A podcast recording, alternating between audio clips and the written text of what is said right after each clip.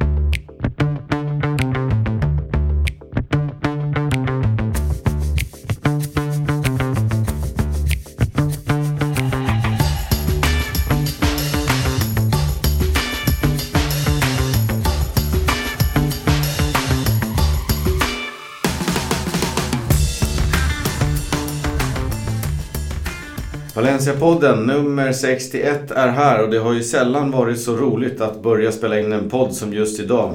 Eh, dagen efter Getafe. Eh, tråkigt för Niklas del så kan inte han vara med idag. Däremot har vi kallat in våran stadige backup eh, Jocke. Jag antar att du också mår som en prins idag?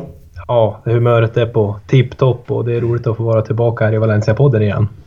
Ja, nu är det ju lite medvind i seglen här. Vi har ju ett par eh, vinster i ryggen och den fantastiska kopparmatchen att snacka ner så att eh, glädjeruset eh, är på topp.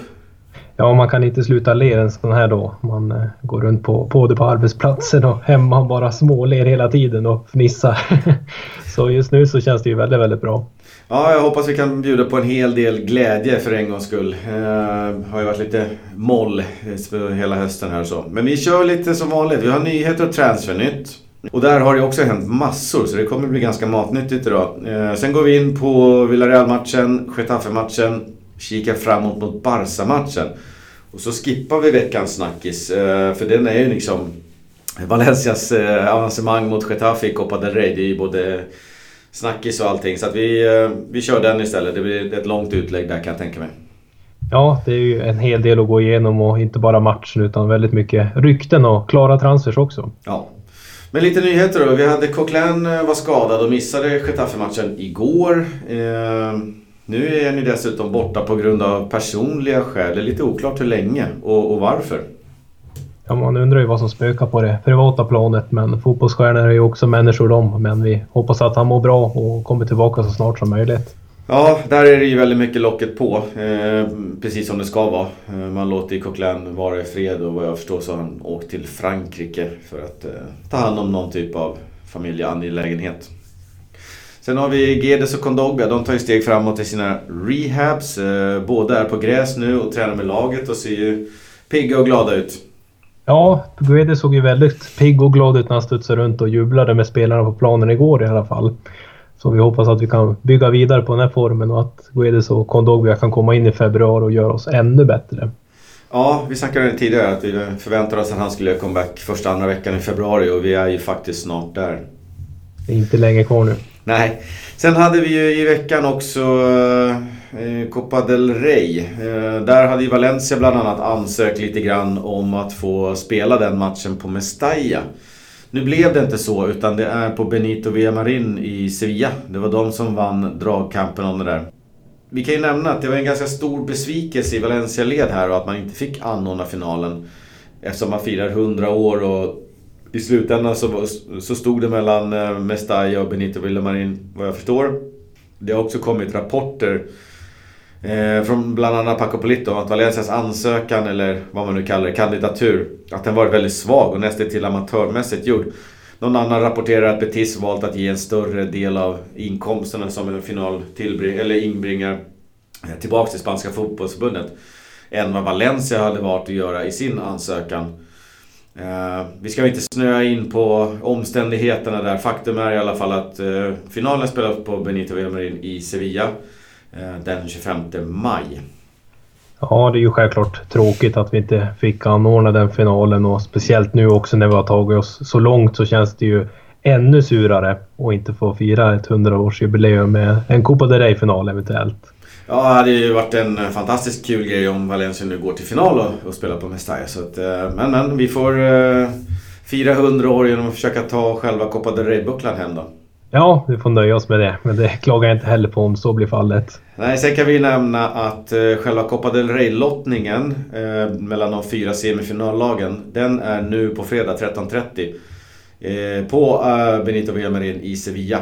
Eh, så de liksom lyfter fram den i själva lottningen. Så vi får se. Där är i alla fall Valencia med. Vi har väl Espanyol och Betis själva. Sevilla, Barcelona, Real Madrid. Det finns några kvar där.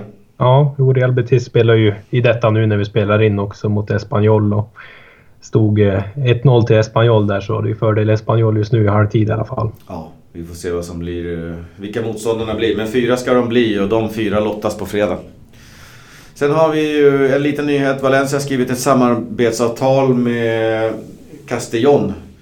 Som avser träning och utveckling av talanger. Det är ju såklart ett led i det arbete som Alemani satte igång för drygt ett år sedan när man vill ha koll på alla regionens talanger. Eh, man vill ha dem på sin radar och inte tappa någon liksom eh, till någon annan klubb. Och här bör man väl också nämna att klubbarna redan sedan gammalt har ett fint band till varandra. Eh, efter att Gaisca Mendieta som 17-åring en gång i tiden banat väg genom sin flytt från Castellón till Valencia B. Där han huserade en kort stund innan han klev in med buller och bång i A-laget. Castellón huserar i samma Segunda B-serie som Valencia Mestalla. Så att eh, det är bra. Det finns ett samarbetsavtal med flera klubbar i regionen där så det här är ett av dem. Ja, om vi kan skapa en ny Mendieta så klagar ju verkligen inte. Nej, det vore ju drömmen. Jaha, hade du någonting om några skador? Ja, eh, Garay och Paulista såg vi ju. Dels eh, en blodig Paulista och en Garay som eh, låg inne på sjukhus över natten för observation. Ja. Ska ju ha drabbats utav någon typ av hjärnskakning, vet inte riktigt hur pass omfattande det är. Eh, Jag tror att det kan ha varit i matchen eh, mot Getafe här nu där Gabriel slog sitt öga blodigt där. Eh, att eh, den situationen, att han behövde undersökas efter den. Men jag är inte jo.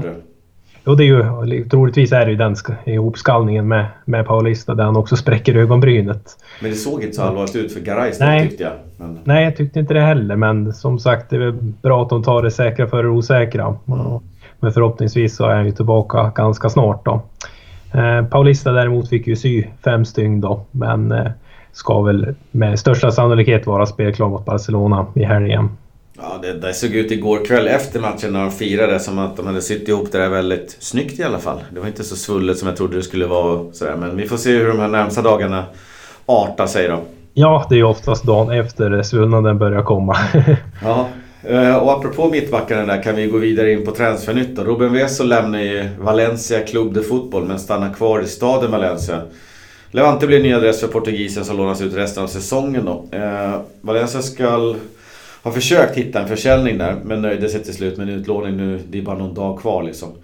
Sen så kan vi ju säga då att med Murillo och Veso ut så har ju Valencia nu eh, tre mittbackar i Gabriel eh, Garay Diakabi. Och endast en högerback i Piccini. Sen kan ju Vass såklart ta en, en eh, högerbacksplats. Men eh, nog är vi en eller två defensiva spelare korta för att kunna utmana i tre tävlingar känner jag. Dessutom eh, så är det lite avstängningar och annat som vi kanske kommer in på senare.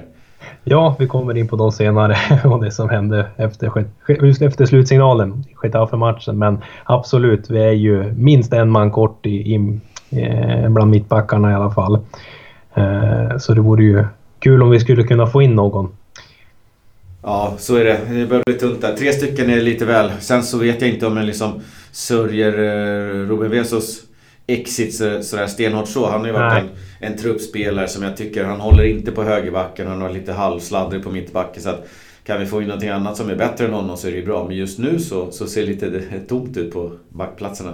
Ja, men det är lite åter till V så det kändes ju lite spännande när han kom. Men efter liksom lite utlåningar och tiden i Granada. Det känns som att han har ju stagnerat i sin utveckling. Ja. Så jag tror inte att han kommer nå någon, någon högre höjder än den nivå han redan ligger på. Ja. Nej, sen så kan vi gå vidare med att Valencia har ju idag precis röjt klart med Alaves anfallare Ruben Sobrino som ansluter direkt efter den medicinska undersökningen som ska ske imorgon torsdag. Uh, han kom ju upp i Real Madrids akademi men nådde aldrig A-laget där riktigt. Uh, sen hamnade han i Manchester Citys ägo för cirka fyra år sedan och lånades då ut till samarbetsklubben Girona. Så ett tag. Eh, och sen så lånades han då sedermera ut eh, till Alaves och Alaves köpte loss honom. Så de tre senaste säsongerna, eller två och en halv, så har han agerat truppspelare i Alaves. Eh, med måttlig framgång ska det sägas. Det är en 26-åring, hyfsat lång, 185 cm, beskrivs som snabb, stark, arbetsvillig. Övergångssumman sägs lär vara på 5 miljoner euro. Så det är ju liksom en, en budgetvärvning. Men det kan inte bli sämre än med Batshuayu. Så att vi får hoppas att han funkar i Marcelinos bygge. Ja, det håller vi tummarna för och han är ju inte varken purung eller jättegammal. Vad var han född? 92 tror jag va? Ja precis, 26 eh, år igen och han har inte öst in baljer heller och har inte fått jättemycket speltid så vi får se. Någonting har vi sett hos honom. Ja, det är väl mer en, en truppspelare som sagt och det verkar ju inte som att vi har gett upp jakten heller på Chicharito ändå. Som det rapporteras om. Just det. Ja, det står ju samma artiklar överallt att man jobbar vidare på Chicharito. Det skulle i sådana fall bli en femte anfallare och där snackas det någonting om 12 miljoner euro hitan och ditan och det är en 31-åring som inte kommer inbringa några pengar in. Så jag vet inte. Jag Nej. vet inte hur det blir med det här men eh, kommer Chicharito då måste ju nästan eh, någon ut.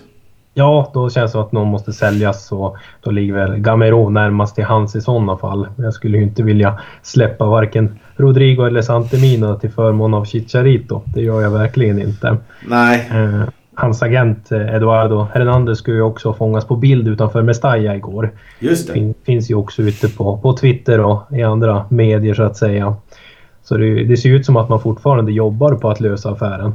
Ja, det var en riktig så här, hemlig filmning. Nu kan inte jag vidimera att personen på bilden är Chicharitos agent, men det får man ju utgå ifrån att de som säger att han är det, är det. Men han låtsas ju, den som filmar låtsas ju filma med Staja där. Och så ja. säger oj där kommer han och så Oj, där hamnade du i bilden. ja, precis. Man skulle vilja se personen som filmar hur han tittar upp liksom. Ja. mot Mestalla istället samtidigt som han följer efter honom med mobilkameran. Ja, så är det. Nej, vi kan nämna i sammanhanget när vi pratar anfallaren då. Eh, Vallejo, Manu Vallejo från Cadiz sägs ska ansluta till sommaren. Här... Eh, jag vet inte om det är hundra klart. Vissa säger att det är klart och vissa säger att det inte är klart. Eh, Mano själv har uttryckt sig lite diplomatiskt i media. I, i eh, andalusisk media om att eh, han fokuserar på laget och kommer någonting så kommer det och så. I alla fall en 21-åring som är ordinarie i sekundalaget laget Cadiz. Valencia ska betala 6 miljoner i övergångssumma. Sen ska man betala hans lön resten av den här säsongen. Cadiz behåller lite rättigheter och övriga liksom, optioner och klausuler om man skulle lyckas i Valencia. Sen tror jag också att man betalar Manos, eller Vallejos lön om han skulle, man väljer att placera honom i Segundan även nästa år. Så att det känns som att Valencia i det här fallet verkligen ville ha den här killen och att man har liksom använt alla till hans stående medel för att få ner övergångssumman. Ja, här har man verkligen gjort precis allt man kan med, med allting du nämner. Ja. Eh, dels att betala löner och om vi liksom låter han vara fortsatt utlånad till Cadiz även nästa säsong så ska vi också betala lönen. Mm. Så det, eh, har ju verkligen försökt att få ner transfersumman i alla fall. Ja, det har ju såklart med Financial Fair Play att göra men jag känner lite att jaha, vad, vad är det här för någon kille? Det är ju ja. 6 miljoner ska upp för en Segunda-spelare som verkar ha gjort eh, sex mål i ligan i år.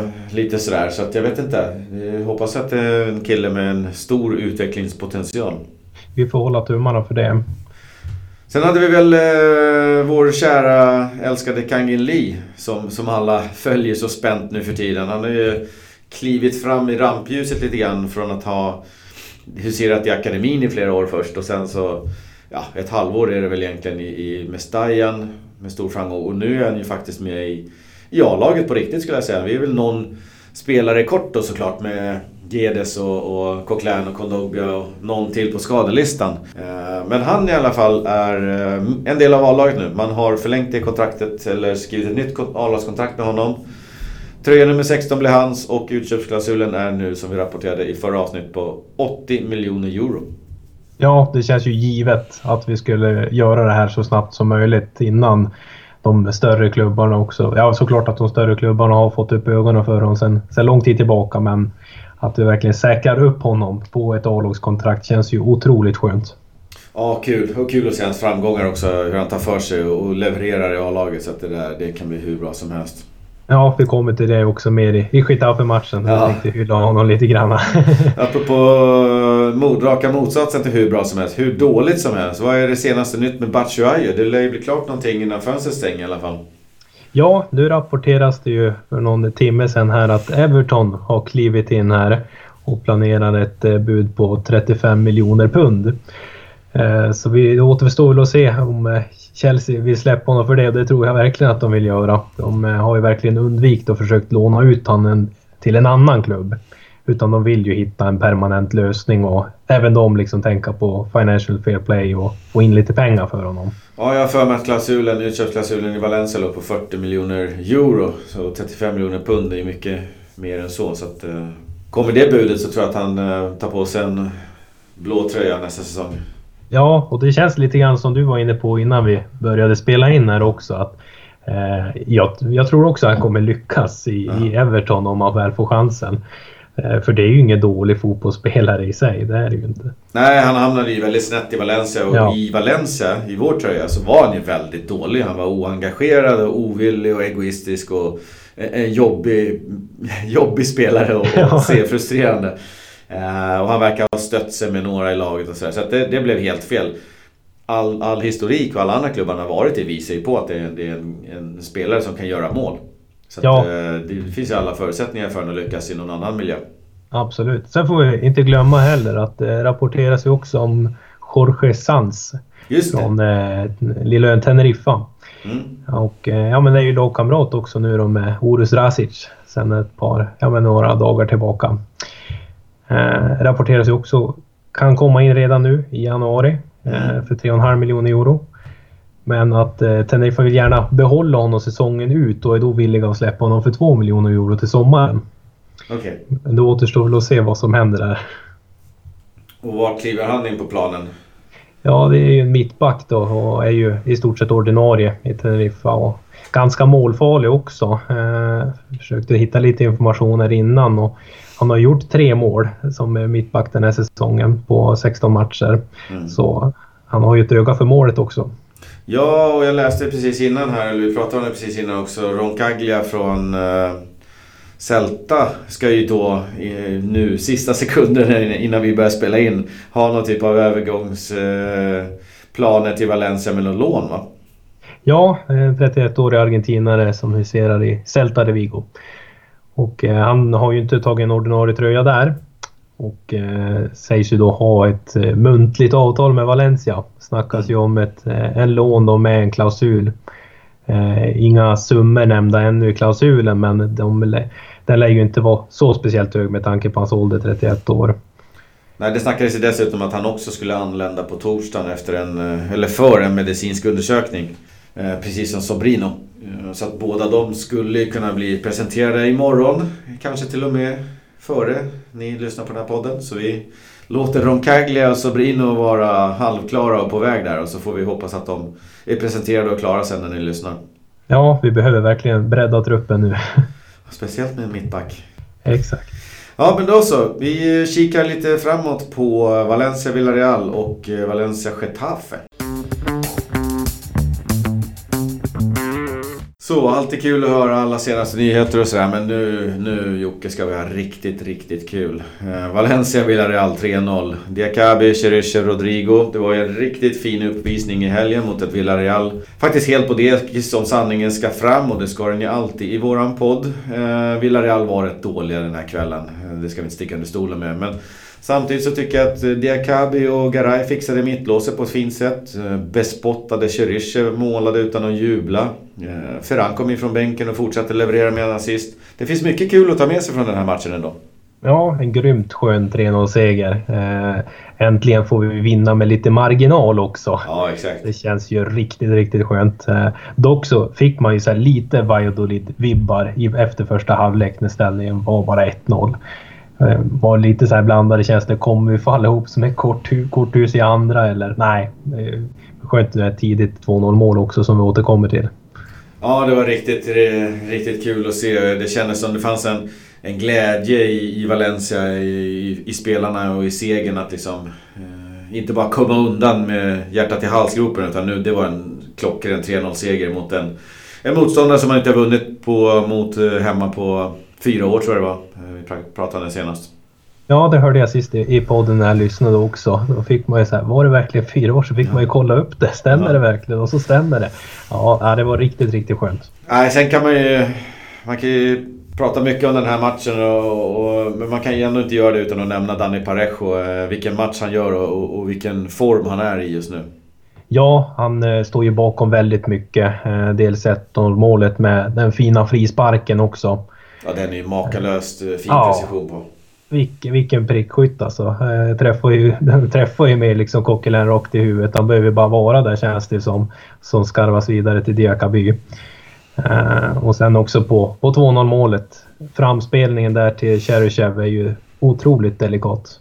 Ja, exakt. Och jag vet inte om det varit någon, någon snack om att han inte firade då. Det är ju förvisso hans gamla klubb och, och allt det där. Men det är ju samtidigt en, en derbymotståndare. Så jag, jag tror att det gick ganska obemärkt förbi.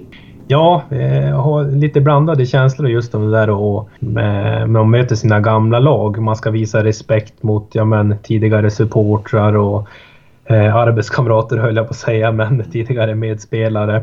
Eh, men jag tycker också man ska visa respekt för sin nuvarande arbetsgivare. Det är ju liksom mm. ändå i Valencia han spelar. Ja, jag har viss förståelse om Adoriz inte firar mot Bilbao eller Joaquin ja. inte firar mot Betis. Men det känns som Cherysche mot Villarreal. Fan, kom igen. Ja, precis. Det är en ryss liksom. Kom igen. ja, men det är så, så, det är ingen klubbikon eller han har Nej. inte haft sju år i Villarreal. Utan det är, några, några, några säsonger liksom sådär. Så att uh, det där kunde han ha firat tycker jag. Ja, det håller jag med om.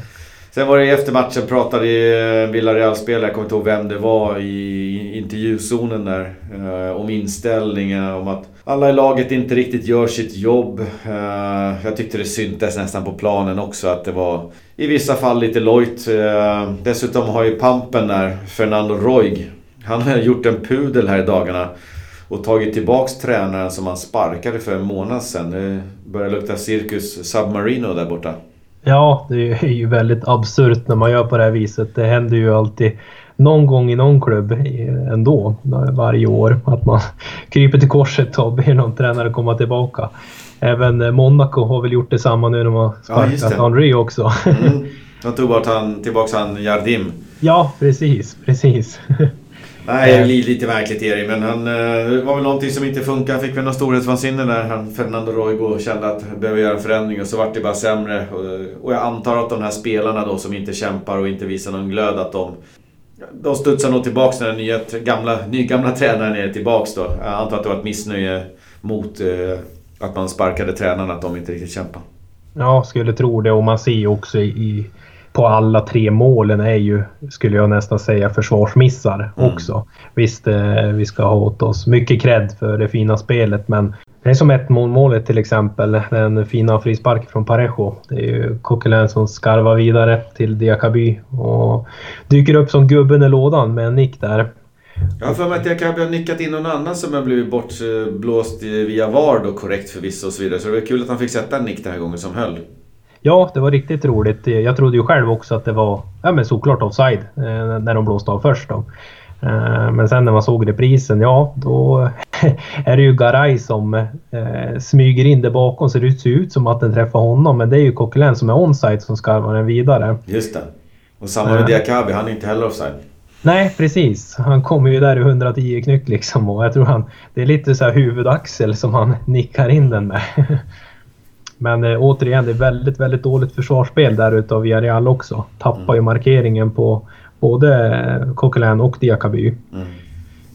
Uh, om vi går vidare på 2-0 målet. Uh, visst, det är en väldigt fin framspelning av Parejo uh, och komfortabelt avslut av Cheryshev. Men eh, det är ju en jäkla hönsgård alltså. Vad håller de på med i försvaret? Eh, Tappar bollen mitt i slottet framför mål och i borra där. Vad gör han för någonting? Mm. Det är nästan division 6-klass på honom. Ja, det är nästan så att det är värt att ligga på nedflyttningsplats om han håller på med sådana där grejer i ligan. Ja, och det är inte likt honom heller. Jag höll han väldigt högt när han var i Levante och härja och gjorde det bra i Sevilla och sen i Leicester hamnade han väl lite i skymundan så att säga. Eh, trodde ju att det var en väldigt bra värvning för Villarreal här i januarifönstret. Att han skulle kunna komma in och göra skillnad och bringa lite stabilitet på det defensiva mittfältet, men nej. Inte riktigt. Nej. Eh, kikar vi då på 3-0 målet så där är ju Ferran som prickskytter från högerkanten. Hittar helt omarkerad Rodrigo som placerar in nicken bakom Asensio. Eh, men det är också en så lite av en eh, snabbare spelomvändning tycker jag där man eh, prånglar ut bollen på, på Ferran. Och han väljer att ta ett ganska tidigt inlägg. Så han springer inte ner till hörnflaggan och slår ett inlägg bakåt. Som jag tycker Valencia har pysslat med lite grann. Utan här väljer han att ta ett inlägg jag vet inte om han är 20-30 meter från... Han är en bit in på planhalvan i alla fall. Så han lägger ett inlägg som går snett framåt lite grann med skruv. Som eh, landar på pannan på Rodrigo som otroligt snyggt liksom kraftnickar in den i stolproten. Det finns ingenting att göra för målvakten. Jag tycker att jag har sett det där tidiga inlägget i några matcher från Valencia. Eh, Eh, så att inte liksom backarna hinner eh, ta position och ta markering och våra forwards inte hinner stanna för att de har sprungit fram till målet och kan inte springa längre. Uh, jag ska hålla ett öga på det. Så får vi se om de fortsätter med de här tidiga inläggen. Ja, men exakt. Då hinner ju inte liksom försvararna hinna hem och speciellt också när vi leder med 2-0 så går ju Villarreal framåt såklart. Mm. Även fast de inte skapar speciellt mycket så det är ju väldigt smart av Ferran att kunna hitta Rodrigo med det där långa inlägget. Mm. Så är det. Eh, men det var Valencia-Villarreal 3-0. Eh, tre poäng i La Liga och därmed också ännu närmare Europaplatserna, Europa League-platserna. Däremot samma avstånd till Sevilla på Champions League-platserna i och med att de också vann. Eh, men vi går väl in på gårdagen. Det är ingenting, eller allting har ju handlat om det sen, sen 11 igår kväll. Jag tänkte säga. Jag vet inte ens var vi ska börja men liksom, som fotbollssupporter man lever ju för exakt den här typen av matcher. Så eh, svängningarna, det är från tårar i början till, till enorm eh, glädje och eufori. Man får nästan... Man går nästan från hat liksom och avsky eh, mot, mot Getaffes spel och sätt att agera till, till någon typ av glädje och skadeglädje. Det är himmel och helvete i en och samma match. Jag vet inte, det är, känslostormarna var enorma igår. Ja, du sätter verkligen ord på det. Det finns så jäkla många. Eh, det är otroligt, bara eufori. Det är som man tappar det helt. Jag, ja, jag hörde att du gjorde det. Ja, jag, jag bara skrek. Det, det, jag var så jävla glad. Eh, så ja, jag fick ju en liten påknackning av grannen. Ja, så det, jag väckte väl hela det här lägenhetshuset skulle jag tro. Han undrade om du hade vunnit på Lotto eller var han mer ja, sur? Trodde väl det. Nu har han kammat hem en miljon här på Bingolotto eller någonting. Ja. Nej, det var, det var Valencia som gjorde 3-1 mot Getafe fick jag ju förklara. Men det, det, jag visste inte ens att de spelade så. Nej. Nej men det såg man ju också på alla sociala medier vilken enorm känslo... Eh, vilka enorma känsloyttringar det här gav eh, hela matchen. Och vi kan väl gå igenom den lite grann från början. Och för er som inte såg matchen så årets understatement är att ni missade något. Det har ni säkert förstått vid det här laget. Men vi går ju in i matchen med 0-1 från bortamötet. Och, och, där och då så vet vi att 1-0 till Valencia, då är det lika. Eh, därifrån så, så då är det förlängningsläge och sådär. Eh, då börjar ju Valencia matchen med att släppa in en balja efter 40 sekunder. Jaume i målet. Han bjuder på det. Vad är, vad är det som händer? Ja, man hinner knappt ställa in volymen på TVn känns det ju som. Och så var det 1-0 i vaken. Man hade ju laddat hela dagen inför den här matchen och var svintaggad och så får man sån här käftsmäll direkt. Eh, men jag tycker också det är... Visst, vi ska lasta Jaume 100% för målet. Han står ju brutalt felplacerad. Eh, men även Gaia och Paulista som springer rakt mot Maximovic som har bollen. Eh, så hela högerkanten blir ju vidöppen och där kommer ju Jorge Molina som ett lok. Ja precis, de blir på något sätt så, så jag vet inte. De, de, är ju inte på tårna. Båda två chansbryter ju mot ja. en Getafe-spelare som chippar den lite snyggt mitt emellan dem eh, till eh, Molina. Och det är typiskt att det ska vara Maximovic också som chippar fram den där. Ja, det är han som gör det. Ja, Ja. typiskt. Eh, och sen så kommer ni runt liksom bort mot mittfältsområdet och Jaume står väl och vinkar på någon offside vad jag förstår. Folk har sagt och han gestikulerar. Och, och lite så här uh, oväntat skott är det ju. Men det finns ju ingenting som, som, som försvarar Jaume här som har tagit tre, tre steg upp och, och Molins, han lägger in i den första stolpen. Han, han ser ju, det är ledigt. Ja, han ser att det är vidöppet. Det är bara att placera in den. Eh, Nog så hårt så hinner han inte dit. Han står ju så pass felplacerad i målet. Så det är ju under all kritik. Det där får inte bara hända. Inte en sån här match speciellt. Jag såg Gabriel och eh, Garay stod och pratade med Ja. handen för munnen och man såg blicken på Parejo och var det Santemina. Alla bara stod till vad, vad, vad fan hände? Vad, hur kan det här ske liksom? Mm. Nej, där och då så behövdes det ju tre mål. Eh, spontan känsla var att nej men det är över. Vi gör inte tre mål i en match. Eh, vi gjorde det mot Villarreal matchen innan men det kändes som att det kommer inte hända igen. Eh, Getafe är dessutom jäkligt täta och, och extremt jobbiga att möta liksom. Men tiden går ju liksom. Eh, det händer ju inte så mycket mer. Getafe-spelarna de filmar, eh, fuskar och är allmänt sådär vidriga liksom. Man har nästan lust att stänga av TVn. Eh, så fort en Valencia-spelare kommer inom en halvmeters radie så faller ju Getafe-spelaren till marken och skriker som en stucken gris. Eh, Alltså det, det är så irriterande. Jag kan förstå de som stängde av TVn som inte pallade med att se det där. Men eh, samtidigt så vill jag ge en liten eloge till domaren. Han gick inte på riktigt allt. Nej, han gjorde det faktiskt bra med tanke på liksom hur, hur matchbilden var. ja. Och precis som du är inne på, Getafe gör ju precis allting för att ja, men maska, fuska, filma, spela fult oavbrutet. Och det är ju så enerverande, så Ja. frustrerande. Så jag förstår ju att Gabriel blir, han höll ju på att tappa det brutalt. Så det var ju nästan så att han skulle bli utvisad den här matchen också.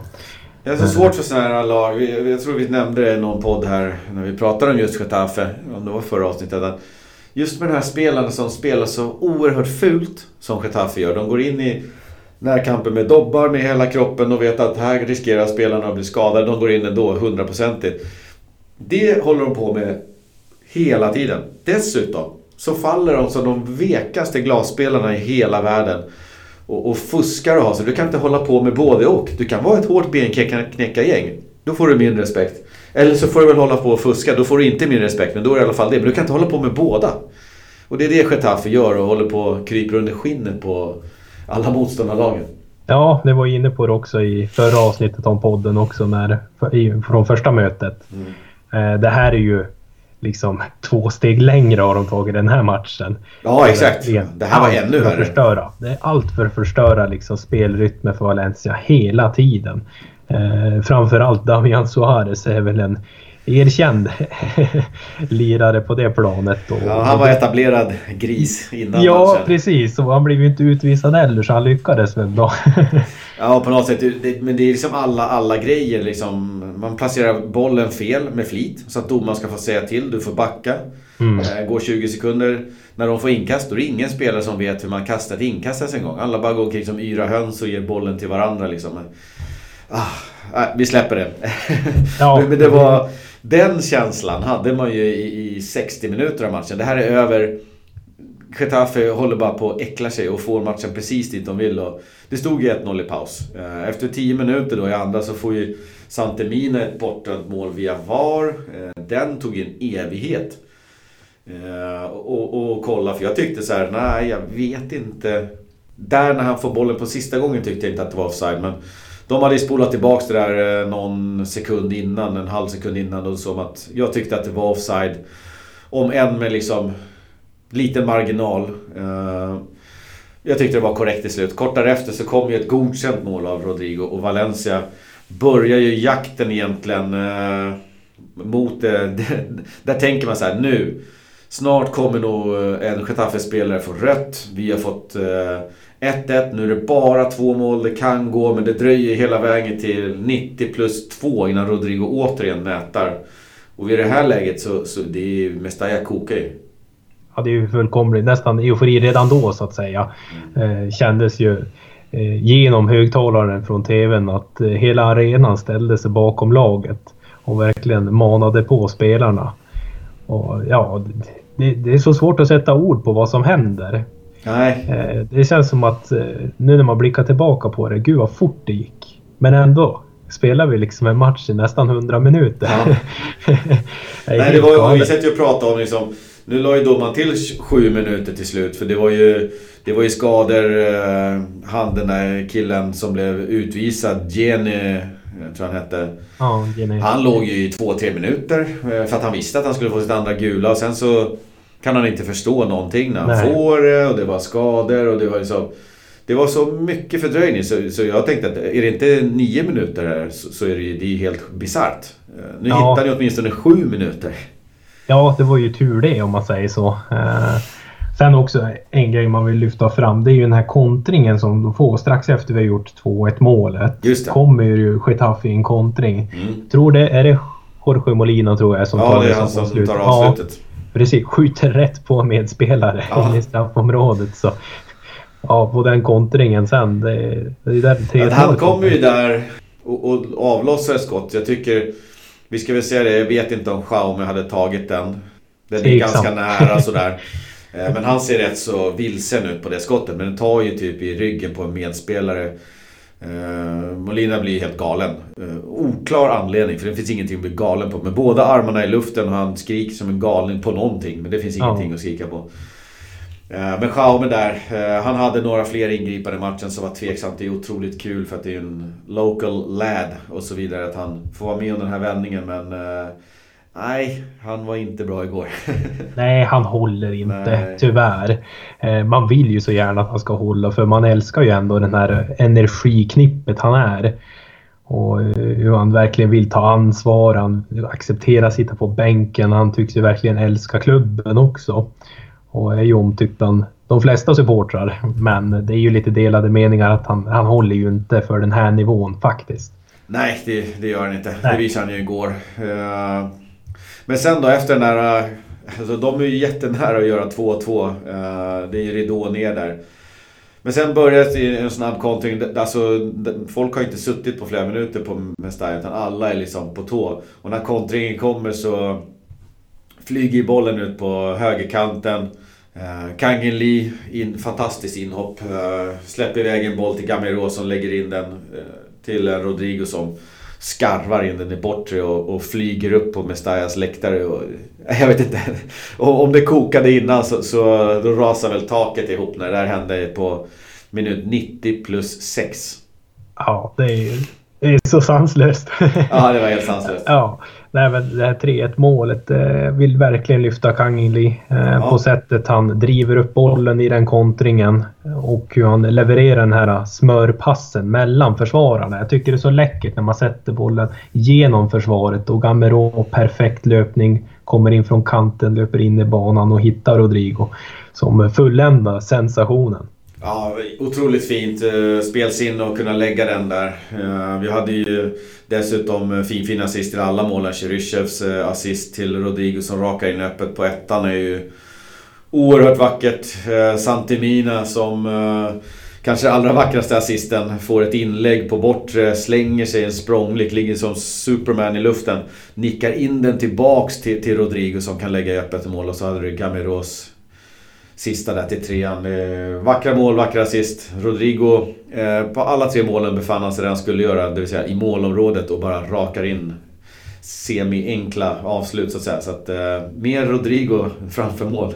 Ja, och det var ju faktiskt hans eh, första hattrick för klubben också. Ja, just det. Eh, intervju efter matchen så får han ju också frågan liksom hur det kändes. Så, ja, det är klart att det känns bra men han var inne på att det, det höjer kollektivet och mycket liksom laget för jaget. Mm. Eh, efter den här intervjun och att publiken hade en helt avgörande roll i matchen. Att de stod bakom dem från minut ett. För Men trots så var här det verkligen. Snöpliga liksom, eh, målet i början så var ju publiken bakom dem hela tiden. Jag hörde klacken eh, när de släppte in målet så var det så här en liten sus inom publiken. Men klacken Ja. fortsatte mana på när man hämtade bollen och la den på mittcirkeln då körde klacken vidare och, hela tiden efter det. Så, så det här kan man ju verkligen snacka om att publiken bar fram laget och när du får hjälp av, av 1-1 och sen sedermera på slutet 2-1 så det finns ju nästan ingenting som går upp mot det där. Och det pratade ju både Rodrigo och Ferran och alla om efter matchen. Att när du har Mestalla med det, Hacheryscher pratade om också. När du har Mestalla med dig då, på det här sättet, alltså då, då kan du springa i tre timmar om det behövs. Ja, det är ju den klassiska tolfte spelaren som verkligen var på plats och gjorde en underbar prestation. Eh, roligt också att se sen på sociala medier, både ja, men Twitter, Instagram, hur de la ut bilder från den klassiska balkongen. Ja, just det.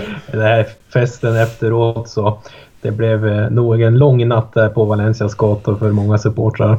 Ja, har ni inte sett det så kan ni gå in på... Jag vill la ut den också på Valencia-podden bland annat. Det finns ju hur mycket som helst att botanisera i det här. Både bråkbilder och eh, målbilder och galna radioreportrars eh, utdragna gal och så vidare.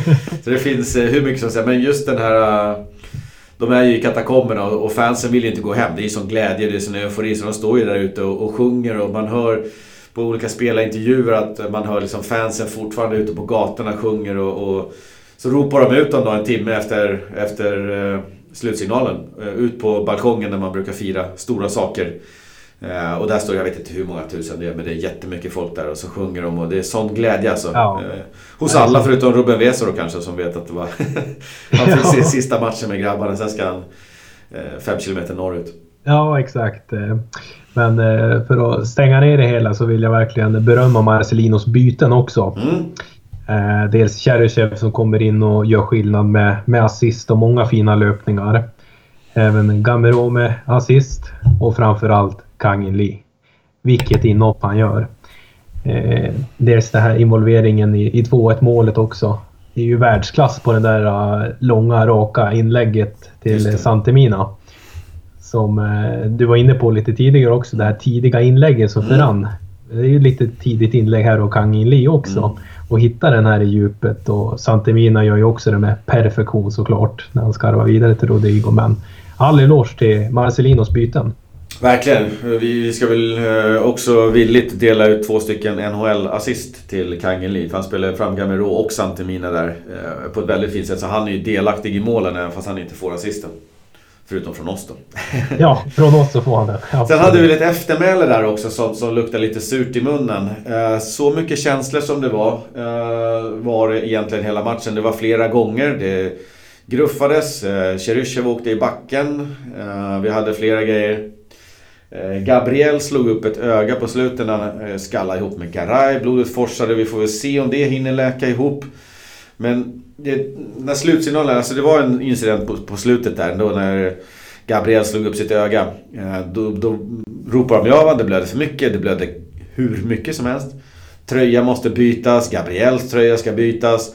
Valencia har i det, laget, det läget blivit tilldelade en frispark framför Valencias bänk. under hela det här palabret som pågår i, i två, tre, fyra minuter då så, så står ju tre eller fyra Getafe-spelare konstant och skriker domaren rakt i ansiktet. Olika saker. Det är inte fel på allting. De står och, och skriker på Parejo som ska slå frisparken och det är lite smågruff och knuff. Hux flux så skjuter ju en eh, Getafe-spelare, alltså på riktigt ett skott, eh, rakt in på eh, Valencias bänk. Där då Diakabi sitter.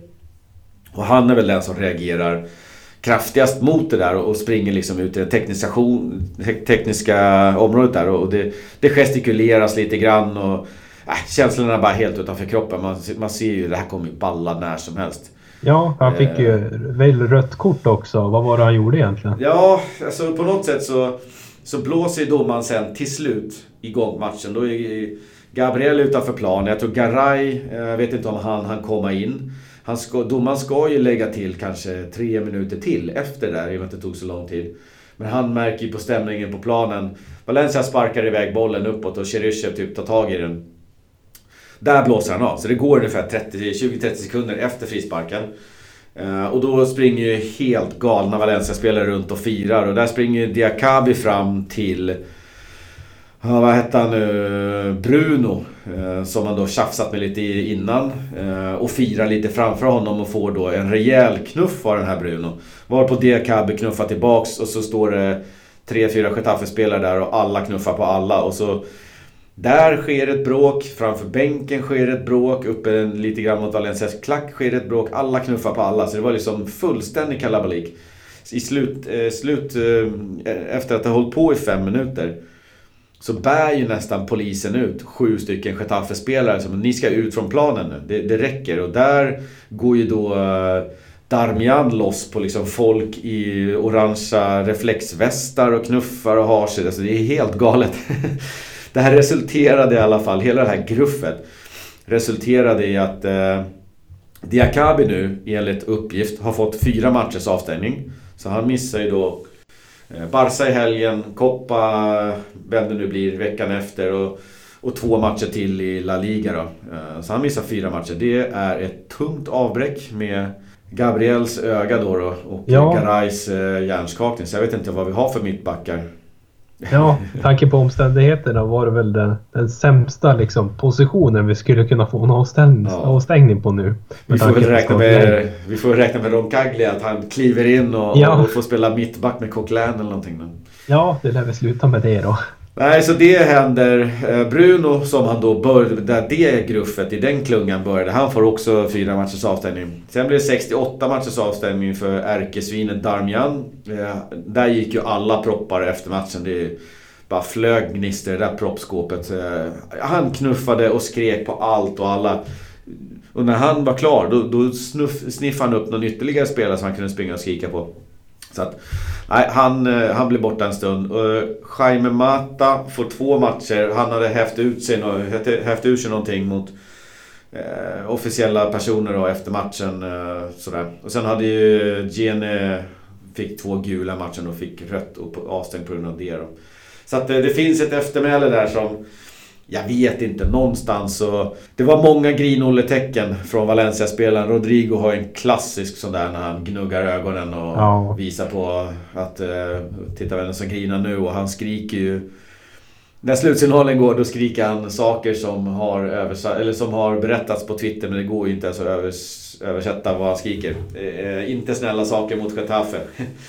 SOS Valencia avslutar med att gnugga lite i ögonen. Han är skadeglad. det kan man lugnt säga. Ja. Eh, nej, men också om man tittar tillbaka på de här uh, två matcherna så summerar vi det med 19 gula och två röda kort.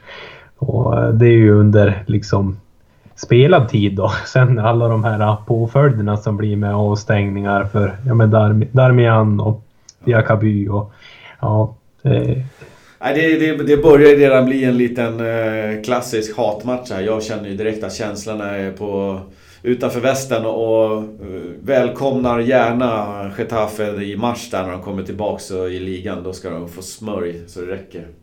Ja, det håller jag med om. Och det, man minns ju också tillbaka på eh, när vi vann Copa del Rey. Det var ju väl Getafe i finalen då va? Senast. Ja, det kan det ha varit ja. Ja, var det 2008 va? Mm.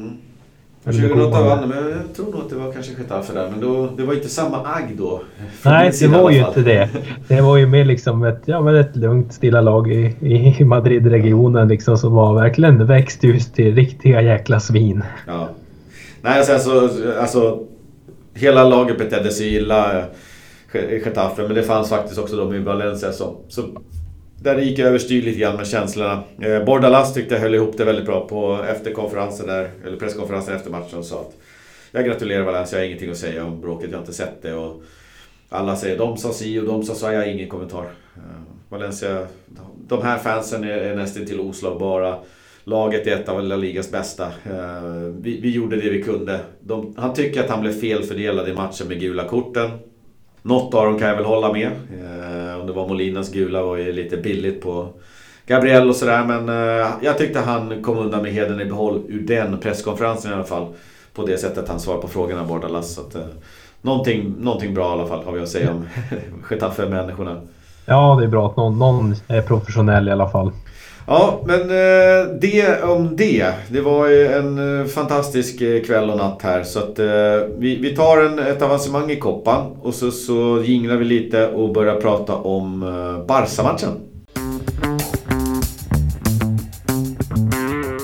Sådär, smällkaramellerna tar ju liksom inte slut när vi sitter och spelar in avsnitt 61. Nu är det Barcelona borta i ligan. På lördag 18.30, fin starttid.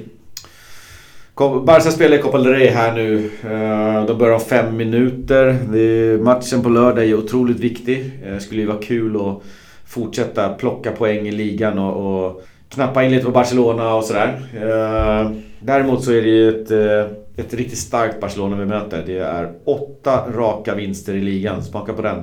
Ja, den är inte dålig kan man säga. Herregud vilken form de är i. Eh, de förluster som de har tänkte jag säga på, på, här på slutet. Det är ju eh, mot Levante, första benet i Copa del Rey. Det vände de ju såklart som avancerade. Och sen har de ju förlusten mot Sevilla, första delen i Copa del Rey som, som vi får se om de vänder här. Det kan vi inte säga någonting om. Sen hade de ju en match mot Tottenham i, i ett kryss här i Champions League sista omgången. Var ju obetydlig. Innan dess hade de en hel eh, racka eh, segrar också. Så att, Blytungt Barcelona som har smygit igång. Eh, lite tuff eh, start på, på dem i år men nu känns de ju som eh, ett ånglok igen. Ja, de känns ju nästan ostoppbara. Eh, och kollar man tillbaka på de här matcherna som de har tappat lite grann. Eh, tänker vi framförallt på Levante-matcher så roterar de ju väldigt, väldigt friskt. Det var ju många Barca B-spelare som fick chansen i den matchen. En, inte lika liksom mycket rotation i första mötet mot Sevilla. Men det var ju även en Kevin Prince Boateng som fick göra debut i den matchen. sjuk värvning. Ja, Han spelar inte ikväll va? Jag nej. kollade väl ett, du slängde ett öga på truppen. Det såg ut med starka, starka gubbar på planen idag. Ja, det är väl nästan bara eh, Sillesen som får chansen som brukar sitta på bänken så att säga. Annars är det ju ja, men Alba, Roberto Piqué och Busquets, Rakitic, Messi, Suarez, Coutinho. Så att det är ju väldigt, väldigt stark elva de ställer på benen. Det kan ju vara till fördel för oss då att de ja, men möjligen känner sig lite mer slitna i alla fall. De har ju en dags mindre vila än vad Valencia har. En dags mindre vila, det är precis vad de har. Sen så får vi se. Barcelona känns det som ett äh, lag som... det bekommer inte dem riktigt. Äh, att de, att de, de, de känns som att de kan spela match varannan dag liksom. Hur många matcher per år spelar Messi? Ja, alldeles för många. alldeles för många. De har 58 gjorda mål till exempel eh, att jämföra med våra 22 i ligan. De har släppt in ungefär lika många. De har 49 poäng, det vill säga 5 poängs ledning ner till Atletico. De har 10 poäng ner till eh, Real Madrid.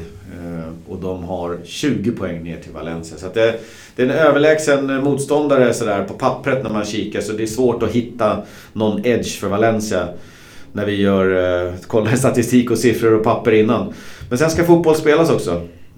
brukar vara riktigt härliga matcher mot Barcelona. Ja, och vi brukar också spela väldigt, väldigt bra mot Barcelona. Mm. Eh, brukar ju försöka ja, men plocka någon eh, pinne där och jag var ju också på plats för något år sedan när vi vann på Camp Nou mm. med 2-1. Eh, så vi hoppas väl på någonting liknande. Att, eh, det är roligt också att Valencia har kommit i form. Man eh, såg ju den här matchen i, i kikaren någonstans. Yes. Eh, och då önskade man ju att man kommer i form till det här stora mötet och det har man ju verkligen lyckats med. Nej, man vill ju liksom inte att den här matchen skulle dyka upp hux flux. Eh, när Valencia sladdar och kan inte vinna mot eh, värsta brödgängen. Så ska man Nej. åka upp och bli förnedrad med 5-0. Men nu känns det som att sett till den här säsongen så kommer det ju väldigt lägligt när, när Valencia nu eh, har hittat någon typ av form i alla fall. Ja, beroende på vad vi kan ställa upp med för backlinje ja. så tror jag faktiskt att vi skulle kunna plocka en poäng i alla fall. Ja, det vore ju kul om... Eller kul vet jag inte, men Jason Murillo huserar väl där nu för tiden om han får speltid mot Valencia. Vi får plocka ja, det... tillbaka honom för den här matchen. Ja, kan vi inte göra det? Vi får låna tillbaka honom bara den här matchen. Ja, han har ju fått lite någon match där. Han klev väl in ganska direkt i, och fick lite speltid. Men jag vet inte ja, om det var i ligan. Han lirade ju bland annat eh, mot Levante där, i första mötet mot Levante i cupen. Då Just spelade det. han ju från start. Nej, sen har det inte blivit jättemycket för honom. Uh, I övrigt så vet jag inte. Messi vet jag inte, han leder väl skytteligor och är glödhet. Suarez är väl lite mindre glödhet i år men han, han gör ju sitt till och sådär. Så att, uh, det blir en tuff match. Riktigt tuff. Ja, speciellt också när Dembélé har börjat kommit igång. Eh, var ju ganska mycket under isen i början på säsongen att han var mycket ifrågasatt om han verkligen var en man för Barcelona. Men det har han ju verkligen bevisat den här säsongen. Ja, han eh, har börjat avbetalningen på sin övergångssumma. Han gick väl sönder när han kom ganska snart. Eh, och har haft lite tufft att övertyga efter det. Men eh, ska vi göra så, så eh, att vi inte eh, Prata för mycket om den i och med att det finns olika faktorer med, med Sevilla som inte vi känner till just nu och, och lite annat om det blir några skador i den matchen och sådär. Att vi eh, säger som så att vi ser fram enormt mycket mot den där. Eh, vi får väl eh, hoppas att det kan, eh, Valencia kan göra en bra insats där. Eh, förhoppningsvis så kan de få med sig tre poäng. Jag tror inte att någon blir supersur om det blir en poäng. Men, men eh, den goda formen kanske säger att vi i alla fall bjuder upp till dans där. Jag tycker vi kanske glider in på en liten scorecast här så vi inte drar över på tiden allt för mycket.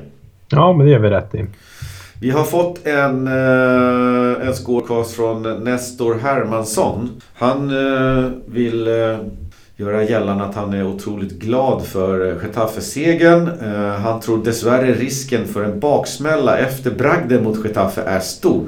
Han väljer ändå att tippa med hjärtat. 1-0 till Valencia med Rodrigo som målskytt. Sen kan vi passa på att puffa lite för eh, den finfina krönikan som han har lagt upp på Svenska fans om just Getafe-matchen. Så vill ni botanisera mer i den matchen eh, och händelserna i, igår onsdag kväll så... så eh, nej, tisdag kväll. Igår tisdag kväll. Så får ni kika in på Svenska fans och hans artikel. Vill du vara först ut och tippa eller ska jag tippa? Ja, men kör du. Här tippar jag faktiskt på en sån här retlig 1-1. Som, som i det här fallet kanske till och med kan kännas rätt så bra. Och eh, när de här matcherna spelas så blir det då Parejo som gör målet. Det tror jag. 1-1 och Parejo. Ja. det är ett eh, klokt val. jag tror på mycket mål. Jag tror att vi fortsätter också eh, att göra mål här. Jag tror på 2-2 ja. 2-2. Jag tror inte Barcelona gör en hemmamatch den här säsongen där man gör mindre än två mål. Nej. Och då får inte vi vara sämre om vi ska ha med oss en pinne. Jag sätter in att Rodrigo fortsätter sin fina målform här. Rodrigo. Niklas 1-0, jag 1-1 och du 2-2. Jag hoppas att eh, Niklas är den bästa tipparen av oss. Ja, vi håller tummarna på att hans resultat går in såklart. Ja. Nej men eh, vi får hoppas att ni har haft precis lika kul som vi eh, har haft när vi spelade in detta, när ni lyssnar. Eh, och minns tillbaka lite grann till Getafe-matchen om inte annat. Så avslutar vi väl där med ett sedvanligt eh, hasta luego. Hasta luego.